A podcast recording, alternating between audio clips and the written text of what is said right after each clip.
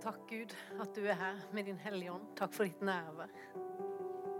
Takk at du ønsker å møte mennesker i kveld. Takk at du ønsker å tale til mennesker i kveld. Takk, Gud, at det oppleves som at du har satt deg en åpen dør foran oss. Ei åpen dør der du inviterer oss til å gå inn. Der vi skal få lov å møte du, bare være med du. Inn i din nærhet. Takk for det, Gud. Takk at din invitasjon den er her i kveld. Så ber jeg deg, Hellige Ånd, om at du må virke gjennom det som jeg skal formidle. Takk, Jesus, for din nåde. I Jesu navn. Amen.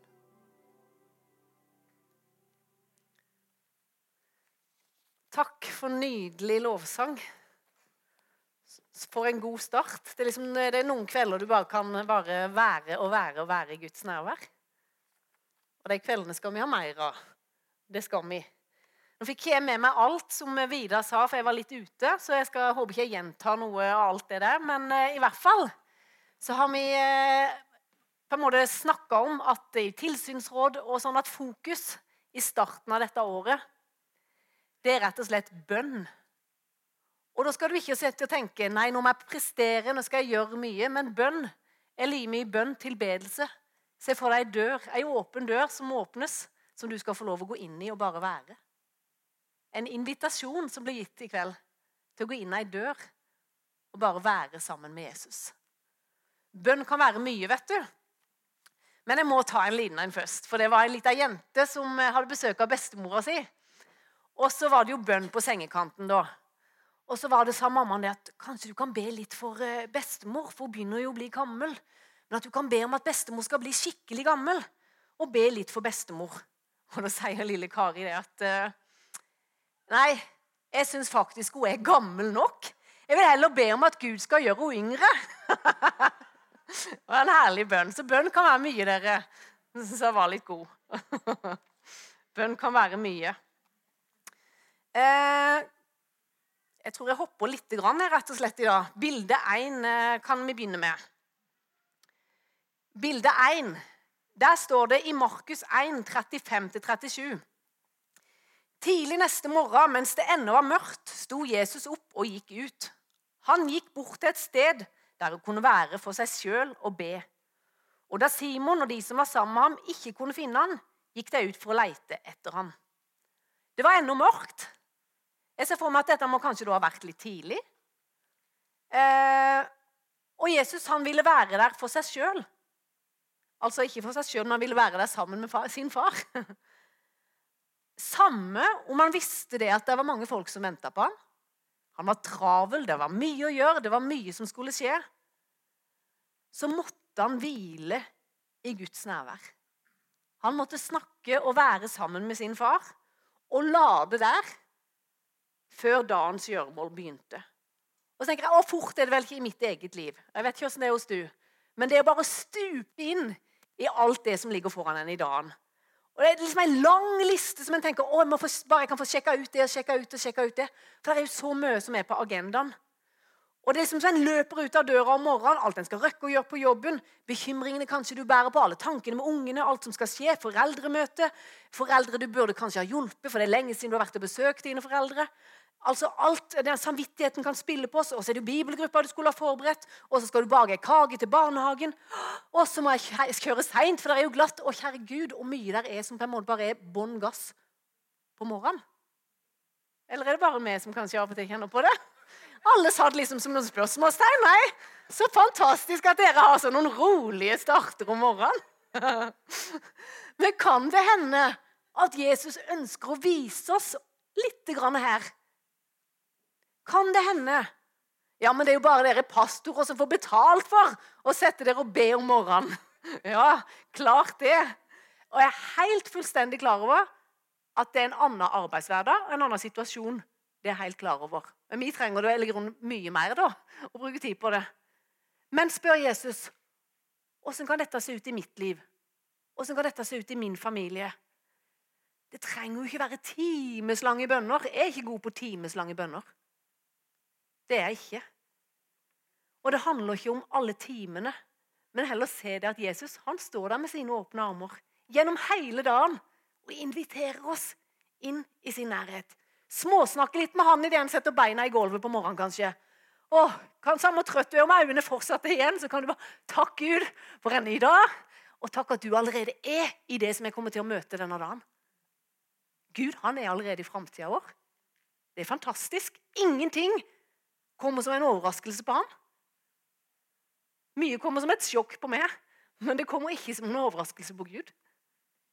Småsnakke litt med han. Kjører du til jobb? Altså, Det er faktisk forskjell å høre på P3 eller høre på noe lovsang.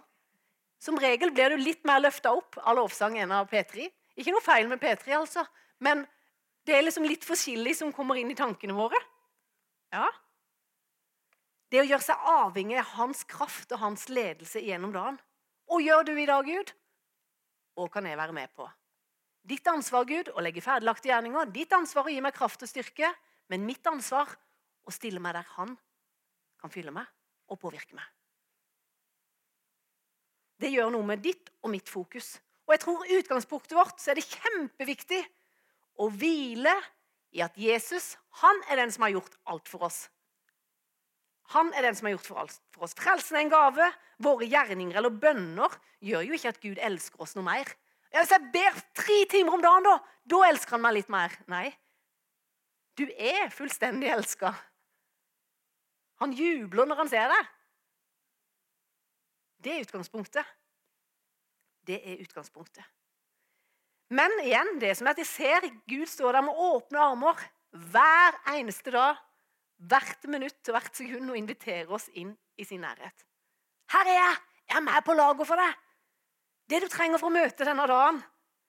Jeg har aldri meint at du skal fikse dette sjøl, men det står søk først Guds rike og hans rettferdighet. Så skal dere få alt det andre i tillegg.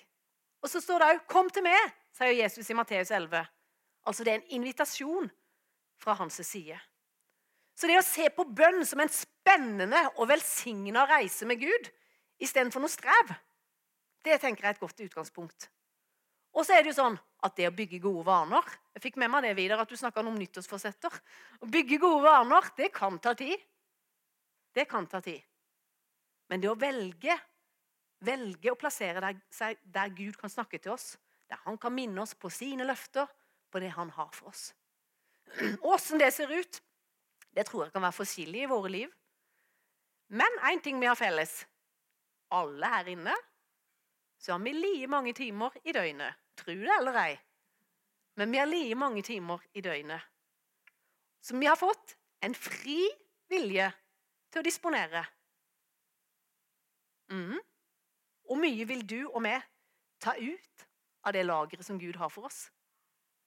Det er faktisk litt opp til oss sjøl. Vi har like mange timer å disponere. Før jeg sier noe mer, så har jeg bare lyst for at det med fokus på bønn, fokus på å være i Guds nærvær, fokus på at vi løfter våre hender til Han og sier at uten du, Gud, så kan vi ingenting gjøre i mitt liv, i vår menighet. Vi er helt avhengig av å rette våre hender til Han og si Gud, Gi oss ditt hjerte, gi oss dine tanker, gi oss dine veier. Det er der vi ønsker å starte året. Og Det som er så fantastisk, er at det er jo ikke bare vi her i Froland som gjør det. Men hele Misjonskirka Norge har bestemt seg for, og det kommer fra øverste hold Det synes jeg er fantastisk med vår nye generalsekretær Siri. Hun har sagt den siste helga i februar Første helga i februar takk Vidar, da ønsker vi som et kollektiv at alle i Misjonskirka Norge da ønsker vi sammen å ha bønn og faste. Så Miriam, hvis du får den filmen, så hører vi og Siri sier. Kjære Misjonskirke Norge. Er første helga i februar 2023. Da faster Misjonskirken Norge. Jeg ser for meg at det er menigheter over hele landet som samles, enten helt lokalt eller kanskje regionalt. Og så samles vi samtidig i bønn og faste, hvor vi sier Gud, hva vil du med våre liv? Hva vil du med vårt kirkesamfunn? Og hvordan skal vi være blant de som utgjør en forskjell, og som får være med og se at mennesker kommer til tro at de blir sendt, så vi får planta nye fellesskap? Og så kan det jo hende at du, liksom, du får sånne bilder i hodet når du hører om bønn og fase, at du tenker at da må man liksom ha løfta hender og låsing og ta litt tunger i 24 timer. Liksom, at det er voldsomt sånn veldig. Eller helt motsatt, at du ser for deg noe veldig stille og veldig kjedelig og veldig sært. Jeg vet, liksom, kanskje du har dårlig erfaring med faste, kanskje du absolutt ikke har noen erfaring med faste. Og jeg har bare lyst til å si at det, handler om ergen på at vi setter av tid. Og vi setter av til og med vår spisetid. Og vi prioriterer bort maten på en måte, for istedenfor å søke hva skal vi si, himmelsk mat, da, for å bli veldig kananspråket. Og disse tidene sånn lokalt de kan, se, de kan, se, forskjellige ut, og de kan kanskje se like ut hvis vi lager noe felles opplegg, men, men vi kan ha bibelsamtaler hvor vi sier Gud, hva, hva vil du si til oss gjennom ditt ord? Vi kan gå turer ut i naturen. Vi kan ha fellesskap, vi kan be hver for oss. Vi kan være stille sammen. Kan, altså det er så masse forskjellig man kan gjøre. Og jeg har rukket akkurat, altså Her skjer det fort fra idé til handling å snakke med menighetsrådgiverne. At de kan være med og, og legge til rette for et, et, opplegg hvis dere ønsker det, for hvordan dette kan se ut. Kanskje vi til og med kan vite at lørdag klokka tolv så gjør alle misjonskirkene dette. Eller søndag klokka ett så bryter vi fasten med nattverd. Hele gjengen. altså men at første helga i februar så har vi bønn og faste innenfor Gud. Og du må gjerne be og faste før. Bare tenkte Vi må gi oss litt tid hvis vi skal klare å gjøre dette sammen. Så må innrømme at jeg har min mors eh, ord i bakhodet når vi snakker om bønn og faste. Mamma har jo levd i bønn et helt liv og er nå snart 82. Og så sier hun Siri, jeg klarer ikke, jeg makter ikke å faste. Jeg blir så forferdelig sulten og arm. Og så tenker jeg hun ber mer enn nok uten å faste. Så klarer du ikke det, så slapp av, du, da. Men bli med på bønnedelen. Altså, det er jo poenget her.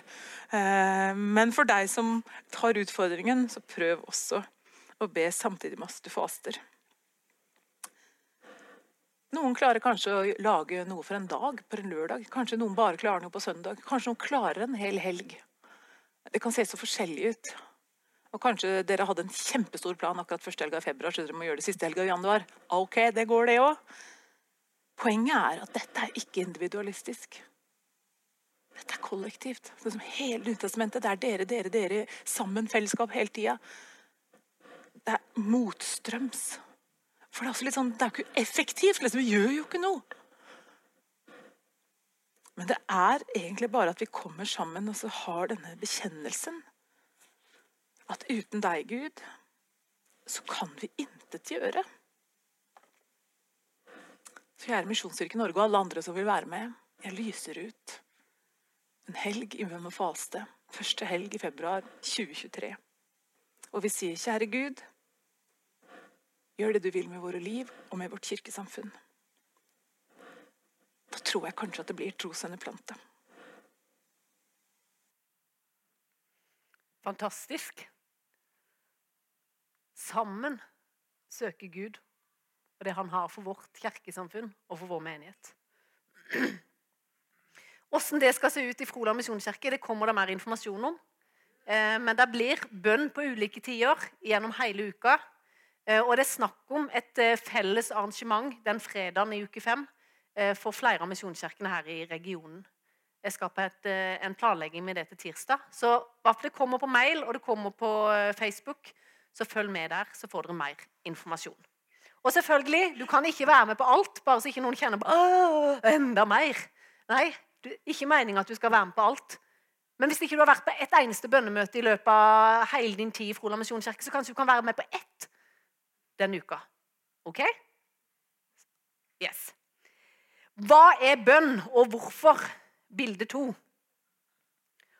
Og det jeg skal si litt om, er et litt kortere punkt kampen om vårt bønneliv. Hva er bønn, og hvorfor? Er det en plikt for oss å be? Elsker Gud oss mer hvis vi ber? Er vi mer åndelige og gode kristne hvis vi ber? Må jeg be høyt for at Gud skal høre meg? Altså, Det er mange tanker en kan gå med rundt det med bønn. Mange som stenger seg sjøl ute i forhold til det med bønn. For jeg er jo ikke sånn som hun eller sånn som han. Jeg er ikke sånn, jeg gjør det ikke sånn. Bønn er veldig forskjellig. Hvis jeg bare ber lenge nok, da, får jeg bønnesvar da?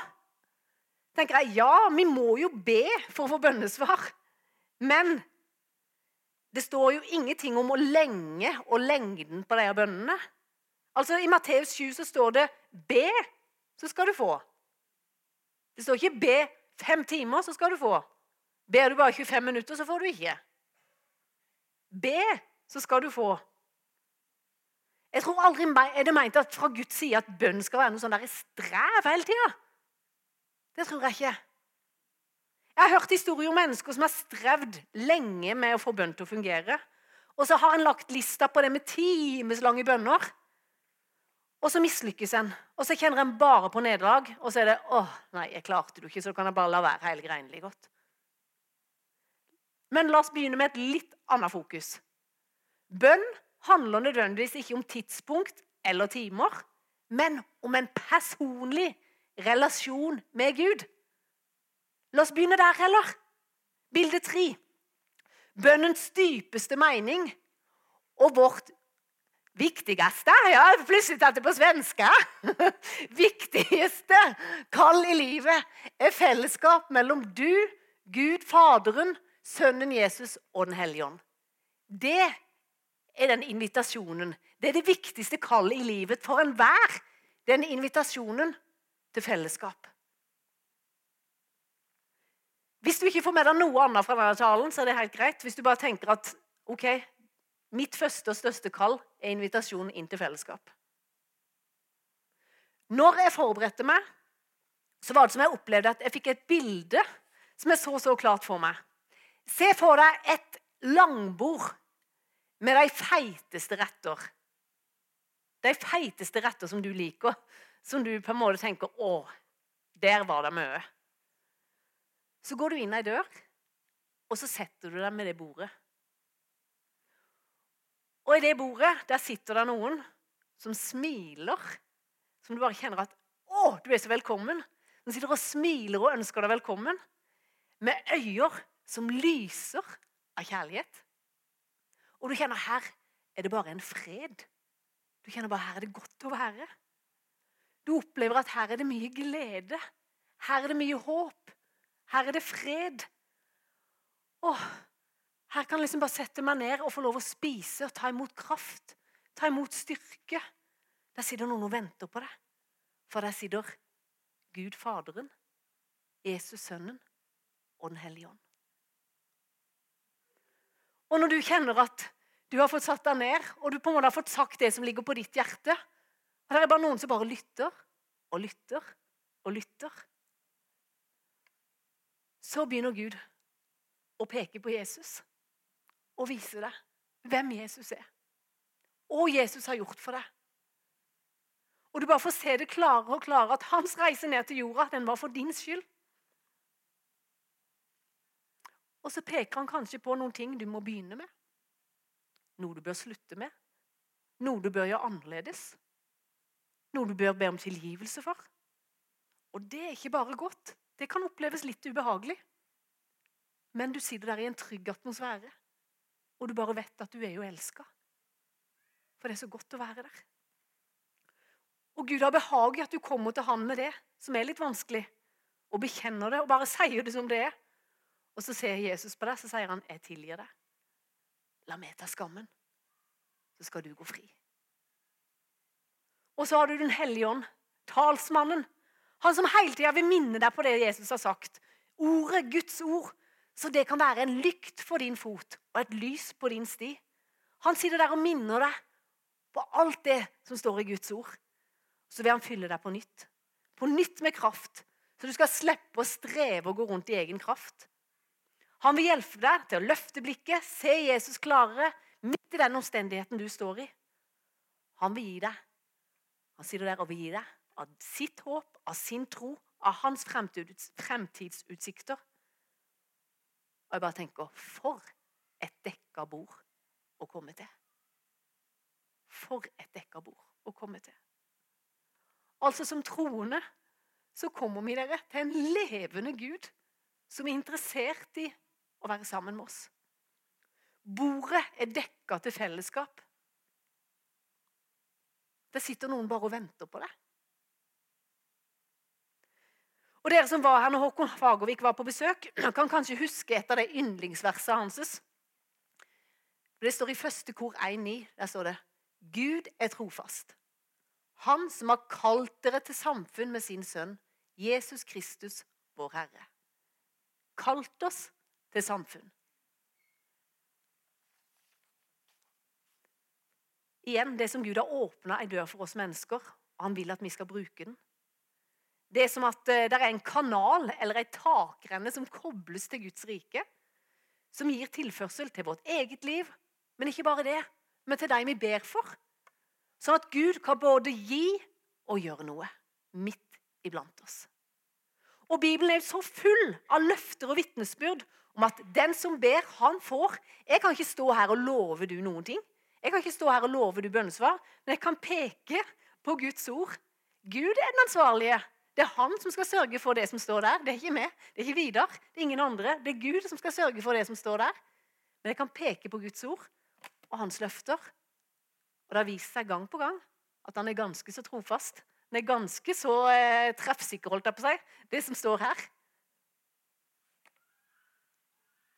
Og sjøl har jeg jo opplevd å få bønnesvar, og det er jo kjempestort. Likevel så er min erfaring at det er ikke alltid orda eller bønnene eller bønnesvarene som har vært det viktigste for meg med bønn. Men det er denne personlige kontakten som skaper trygghet og en indre ro. Fantastisk bønnesvar. Ikke misforstå meg rett her, altså. Jeg elsker bønnesvar.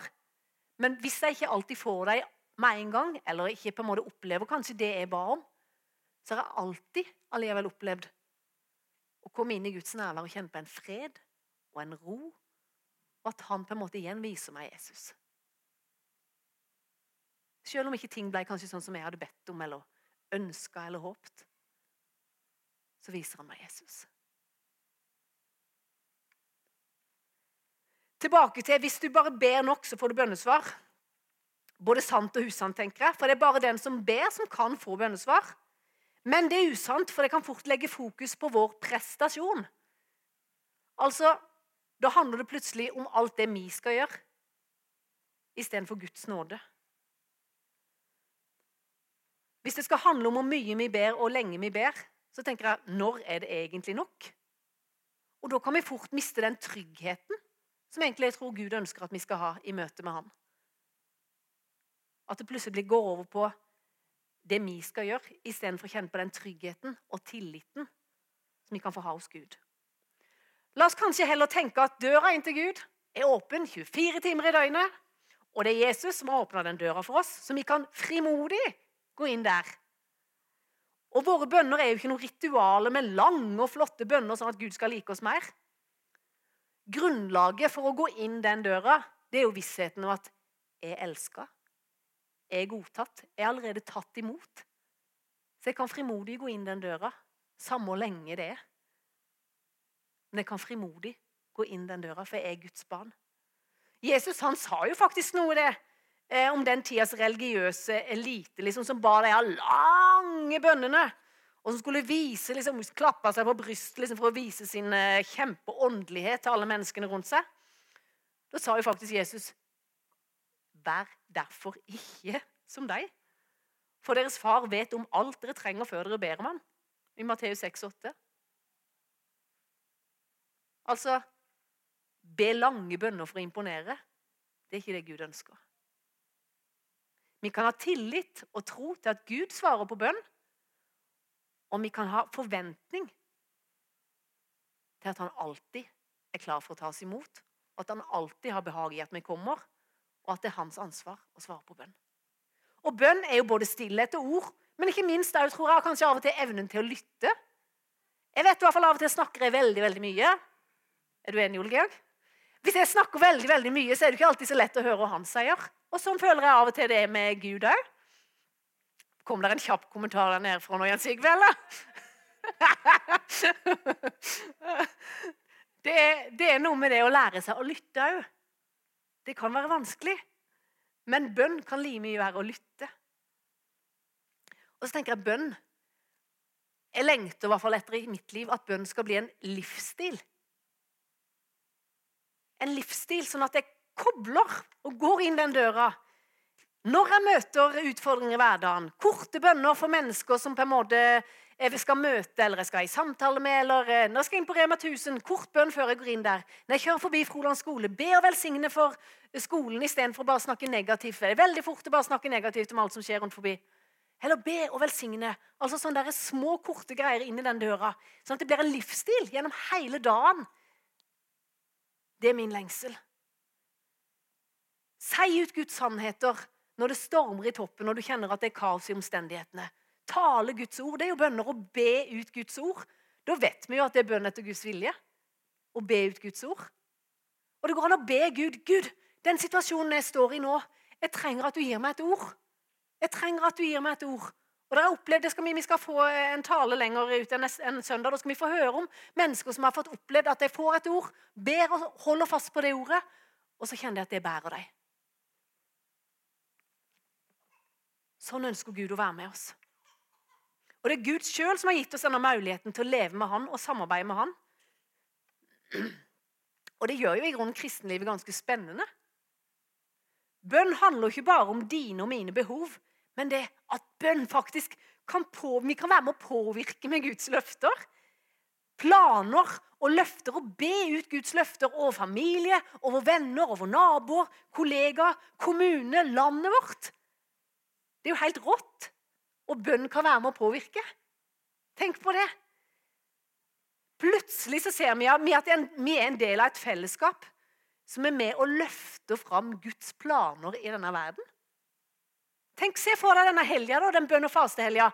Hele Misjonskirka Norge. Vi er mange tusen medlemmer som sammen er med og påvirker bygder og byer og landet vårt Norge. Da begynner det å bli spennende.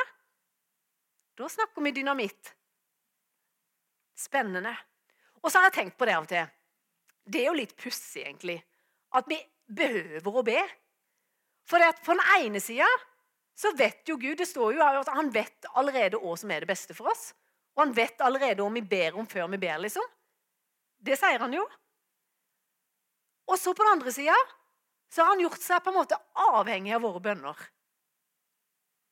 Dette er, dette er sånn der dobbelt greie. Men jeg tror det at det er Guds ønske og lengsel og måte å samarbeide med oss på. Han inviterer oss inn den døra, for han ønsker å samarbeide med oss. Tenk på det! Tenk, Det er jo ganske sykt. Himmelens og jordens skaper. Han vil samarbeide med oss små mennesker. Han inviterer oss til at vi skal få lov å være med på det han gjør. Jeg kjenner jeg blir litt sånn der overveldet. Og så er det jo bare så spennende. Han vil samarbeide med oss. Hans, sånn at hans planer kan ha framgang i våre liv, så han får få lov å forvandle oss mer lik Jesus. Så at vi begynner å tenke og handle både i forhold til Gud, forhold til menneskene rundt oss, og forhold til at Guds rike får framgang i denne verden. Altså, Vi trenger å bli forvandla mer lik Han. Og det skjer når vi er sammen med Han. Gud har jo allerede gitt oss alt i Jesus. Er vi enige om det? Han har gitt oss alt i Jesus. Så svaret på våre bønner det ligger jo kanskje egentlig i å få nye åpenbaringer. Og se og forstå det vi allerede har fått. Mye av det der fellesskapet som han inviterer oss inn i, er det kanskje akkurat det han ønsker å gjøre. 2. Peter 1. Ettersom hans guddommelige makt har gitt oss alt Hørte dere? gitt oss alt som tjener til liv og Guds frykt, ved kunnskapen om Ham som har kalt oss ved sin egen herlighet og kraft, og gjennom dette har gitt oss de største og mest dyrebare løfter. Vær derfor desto mer ivrige, brødre, etter å gjøre deres kall og utvelgelse fast. Altså gjøre det noe aktivt, en aktiv handling, en bevisst handling, å gå inn den døra. Vi har like mange timer i døgnet hvor, deg, måte, hvor, mye av min tid velger jeg og vil jeg gå inn den døra? Igjen, han tvinger oss ikke, det er ikke noe plikt. Men det jeg tror, med å gå inn den døra, så er det uante muligheter. Uante muligheter. Jeg har fått smake så mye av det. Men det er enormt mye mer på det lageret. Og I Bibelen har vi mange eksempler som lærer oss åssen vi kan be. Noen ganger kan vi be eh, altså Så bare kjenner du at det kanskje kommer ting, og du ber, og du har spesielle ting som er på hjertet ditt. Men så har jo på en måte Paulus har jo eksempler som man ber om en større åpenbaring av Guds kjærlighet og kraft, f.eks. eh, det står i Efeserne og Filipperne, kan en be om god dømmekraft og visdom og lydighet og kjennskap til Gud. Går vi til salmene, så ser vi at bønn ikke bare handler om å si noen ord, men at det er en ærlig dialog med Gud. I salmene kan vi jo lese at folk øser ut hvordan de har det i livet sitt. Hvordan det på en måte oppleves og kjennes akkurat i omstendighetene. Sterke følelser. I Salme 42 der er forfatteren tynga av sorg og føler at Gud er jo så langt unna. Men så Men jeg vil vente på Gud, for enda en gang skal jeg prise ham, min frelser og min Gud. Altså ærlig med livet. Sånn oppleves det nå. Sånn kjenner jeg på det nå. Men samtidig holde på Guds løfter og Guds sannheter. Så får vi lov å være i det der. Det er jo livet. Livet er jo sånn for oss alle. Men så får vi lov å være ekte og ærlige.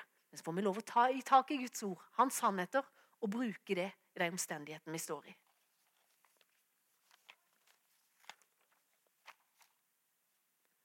Finn sannheter, søk Guds ord, forbilder i Bibelen som kan inspirere deg til bønn. Det tror jeg er en god greie. Og så, selvfølgelig, så er ikke bønn bare glede og fred. Du har sikkert av og til kanskje kjent på at det er som en tung byrde som ligger på deg.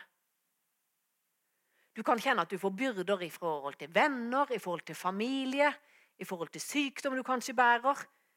Altså, Du kan kjenne at det, at det oppleves rett og slett som en tung, tung byrde som du går og bærer på. Jeg tror at det òg er en del av det å leve nær Jesus. For jeg tror at Av og til så kan vi få lov å kjenne på at akkurat som Jesus deler de byrdene han har for andre mennesker, at akkurat som Jesus deler de byrdene med oss. Ikke for at du skal bære de byrdene alene, for det har han aldri meint. Det er ikke du som skal bære den der tunge delen, men han deler sitt hjerte med oss. Denne inderlige barmhjertigheten som Vidar talte om før jul, f.eks. Og ikke om tarmskyld, som jeg, jeg sa om bildet etterpå. Men det som det var, var at tarmene nærmest vrengte seg i sånn inderlighet. Av og til kan du kjenne at du bærer byrder for andre mennesker. Og Jesus deler de byrdene med oss. Men da er det jo viktig at vi gjør som Jesus lærer oss i Matteus 11, 29-30. Der står det Ta mitt åk på dere og lær av meg, for jeg er mild og ydmyk av hjerte og dere skal finne hvile for sjelen deres, for mitt åk er godt, og min byrde er lett. Bilde fire. Ditt ansvar, og det er viktig, ditt ansvar er ikke å komme med løsningen. Når du opplever at du får sånne tunge byrder å bære, som at Jesus deler en byrde med deg. Ditt ansvar er ikke å komme med løsningen, tenke ut løsningen, kjempe for å finne Jeg må jo komme med et svar, jeg må jo gjøre noe. Men denne bønnebyrden det kan være som en motor inni deg som gjør at du stadig husker på det mennesket. At du stadig kan sukke til Gud og be for. At du stadig kan velsigne. At du stadig på en måte må inn den døra og ha noen minutter. Den bønnebyrden som Jesus ønsker å dele med deg. Takke Gud for at han har kontrollen, be om hans vilje, hans inngripen. Men kaste alle bekymringene på han, for han har jo omsorg. Og Bønnebyrder kan oppleves både tungt og vanskelig til tider. Men husk at du skal bære din del. Og komme fram for Han i bønn og påkallelse med takk og kaste bekymringen på Han. Men kanskje det er noe han vil dele sitt hjerte med deg. Helt til slutt et lite punkt som går på kampen om vårt bønneliv, bilde fem. For det at bønn er så viktig i vår vandring med Jesus, og for at vi skal se det vi egentlig har fått, så er det kanskje ikke så rart at det er en kamp på dette området. Jeg tror at djevelen gjør alt han kan for at vårt kristenliv skal være tørt, kjedelig, uten livsgnist og glede. Og han gjør alt han kan for at du og vi skal bli motløse. Det er jo ikke noe han heller vil enn at vi, vi skal gå rundt og være motløse. Alle her inne har garantert kjent på det, og det er å være motløs, og det er pyton. Ikke sant? Kan, kan djevelen bare forhindre at vi skal ha dette fellesskapet og gå inn den døra, så tror han godt og og gnir seg i hendene og tenker yes. Yes, nå gikk de ikke inn den døra i dag heller. da fikk jeg gjort jobben min. Jeg tror han elsker når han kan få satt oss ut. Og du har helt sikkert merka, og fort er det vel ikke når du skal kanskje, Hvis du bestemmer deg for at når du skal bruke fem minutter med Gud, så er det ikke merkelig. Telefonen ringer, du får til og med lyst til å brette klær. Du får til og med lyst til å gjøre ting du har liksom helt sist på lista di. Du får lyst til å rydde ut av oppvaskmaskinen. Du får, plutselig du får lyst til å trene. Ikke vel, Vidar? Ja. Det er liksom, Plutselig får du lyst til allandring, og tankene bare flyr av gårde. Er ikke det ganske likt for oss alle sammen? Eller? Det er ikke bare meg? Nei. Nei, Det er ikke bare meg som får lyst til å brette klær. Det er godt. Men det er, jeg tror det er noe med det at det er en kamp om at vi skal gå inn den døra. Håkon Fagervik han har sagt dette. Bevisstgjør deg sjøl på at du trenger tid med Jesus om dagliglivet ditt skal fungere. Og jeg synes Han er så skjønn. Jeg husker når han var her, så snakka han.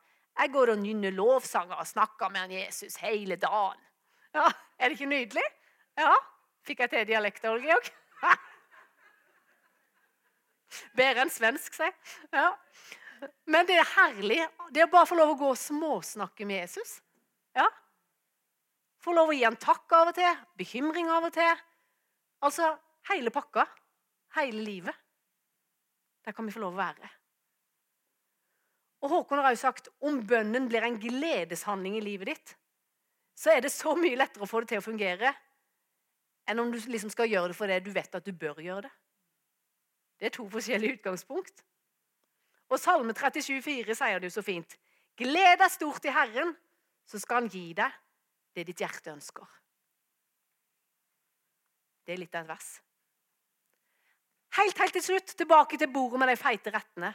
Tenk på alle de områdene, alle de ressursene vi har tilgang til i bønnens uh, område, på en måte, eller gå inn den døra. Så koster det faktisk ikke ei krone å ta ut noe av denne kapitalen. Tenk på det, det er gratis, for Jesus har gjort alt for oss. Det er et hav av uforløst kapital, heter det det på pengespråket. Dere som kan penger. Det er et hav som vi har mulighet til å ta ut av. Og så handler det bare om at Jesus får mer tid med du og meg. Bønn tror jeg sprenger, eller kan sprenge, vår begrensning. Jeg tror Gud ønsker å fortelle oss så enormt mye hvis vi ønsker å gå inn den døra. Bønn kan sprenge vår begrensning. Der settes krefter i sving, og bønn har ingen grenser for verken tid, avstand eller muligheter til å påvirke. Tenk på det. Gud, Jesus og Den hellige ånd inviterer oss inn til et grensesprengende liv, dere. Døra er åpen. Vi inviteres inn til et grensesprengende liv. Tar du og tar jeg imot den invitasjonen. Lovsangere. Jesus. Takk, Jesus, at du med ditt liv, med din død og din oppstandelse har åpna den døra. Jesus, jeg bare takker deg for det, Jesus. Og jeg takker deg, himmelske Far, for at den invitasjonen den gjelder for våre liv her i dag. Og takk at du alltid har en ny start for oss. Takk at det er ingen fordømmelse for den som er i Kristus Jesus. Takk at du åpner den døra, og du står der med åpne armer og et dekka bord som du ønsker å invitere oss inn til. Takk at vår første og største kall, det er kallet til et fellesskap med du, far. Å, Jesus Kristus. Jesus, jeg ber om at du i kveld skal vise oss det på ny. Dette med bønnen, Jesus. Jeg bare ber deg, Hellige kom og utøs over oss bønnens og nådens ånd, far. Og så vi ser den døra som er satt opp. Vi får se deg tydeligere og klarere, Jesus. Og for det himmelske lageret som du har for den enkelte som sitter her i kveld, Jesus. Å, Jesus, at det ikke er noe plikt, Jesus. Det er ikke noe strev. Men Jesus, du har bare åpna den døra, så vi skal få lov å gå inn i den og bare kjenne at der, der er du. Der er du, Jesus Kristus. Og når vi går inn den døra, så er du der, Jesus. Du som er vårt håp. Du som er vår redningsmann. Du som er vår fred i kaos. Du som er vår lege i sykdom. Du som er vårt håp, vårt lys i mørket. Du som er vår kraft, du som er vår styrke. Å, Jesus. Jesus. Jesus. Og bare kom du, Jesus. Kom du og inviter den enkelte i kveld, Jesus. Jesus, du kjenner hver eneste en som er her. Du vet, Jesus, hvordan livet er. Og takk at du møter oss der vi er. Halleluja. Takk for din nåde og din kjærlighet. Jesus Kristus. Takk at du er her med din Hellige Ånd. Virk på mennesker nå. I Jesu navn. Oh Amen.